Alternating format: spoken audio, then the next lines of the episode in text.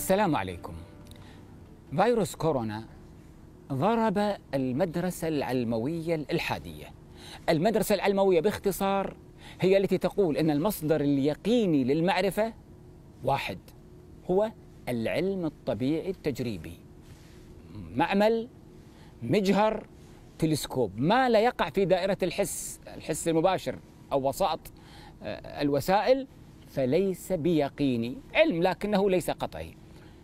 جاء فيروس كورونا لكي يعلمهم دائرة العلم الواسع. كيف؟ المدركات ثلاث أنواع. مدركات ذواتها ثابتة وآثارها ثابتة. وسيلة المعرفة بها الحس. جبل ثابت سيارة ثابتة آه، كل هذه الأمور الحسية اللي حولنا. بالحس نعرفها. الحس المباشر. اثنين مدركات ذواتها غائبة وآثارها حاضرة. وسيلة المعرفة بها العقل. عرفنا أن في هذه المنطقة حل أناس ورحلوا من آثارهم. آثار طبخهم آثار خيامهم آثار مسيرهم إلى آخره. بالعقل ما شفنا ذواتهم. ثلاثة مدركات. لا ذواتها ثابتة ولا آثارها ثابتة. وسيلة المعرفة بها الخبر الصادق اليقيني. كهذه الأخبار التاريخية الكثيرة التي يعرفها الناس بما في ذلك أخبار أجدادك وجداتك يعني من رابع جد ولا ما تعرف من إلا بالخبر الصادق. الجماعة العلمويين دائرتهم ضيقة جدا وقزموا العلم. جاء فيروس كورونا فقلب العالم رأسا على عقب.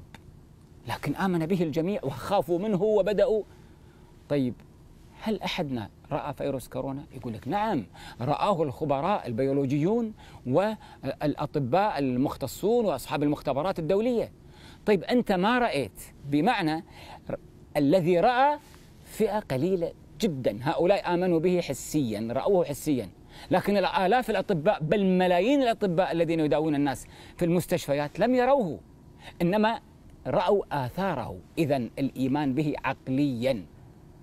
لماذا؟ لأنهم لم يروا الفيروس حسيا رأوا آثاره وهكذا بالمؤثر بالأثر نستدل على المؤثر من هنا اختصر هذا المعنى بديع الزمان سعيد النورسي التركي في كتابه المكتوبات وقال إن الذين يبحثون عن كل شيء في المادة عقوله عقولهم في عيونهم والعين في المعنويات عمياء العين في المعنويات عمياء وفي ترجمة ثانية والعين لا تبصر المعنويات العين وسيلة للمحسوسات والعقل وسيلة لغير المحسوسات عن طريق.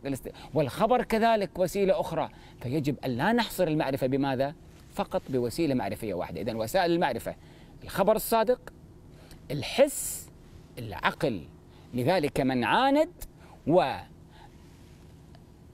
نفسه في الجانب المادي الحسي نرد عليه بما قال الشاعر أحمد صافي النجفي هل في عيون الملحدين عماء أم في عقول الملحدين غباء؟ أيجوز عقلا أن عقلا مبدعا؟ قد أبدعته طبيعة بلهاء فإذا الطبيعة أدركت وتصرفت قلنا الطبيعة والإله سواء. الله أحيا الكائنات بسره وبسره تتفاعل الأشياء. شكر الله لكم.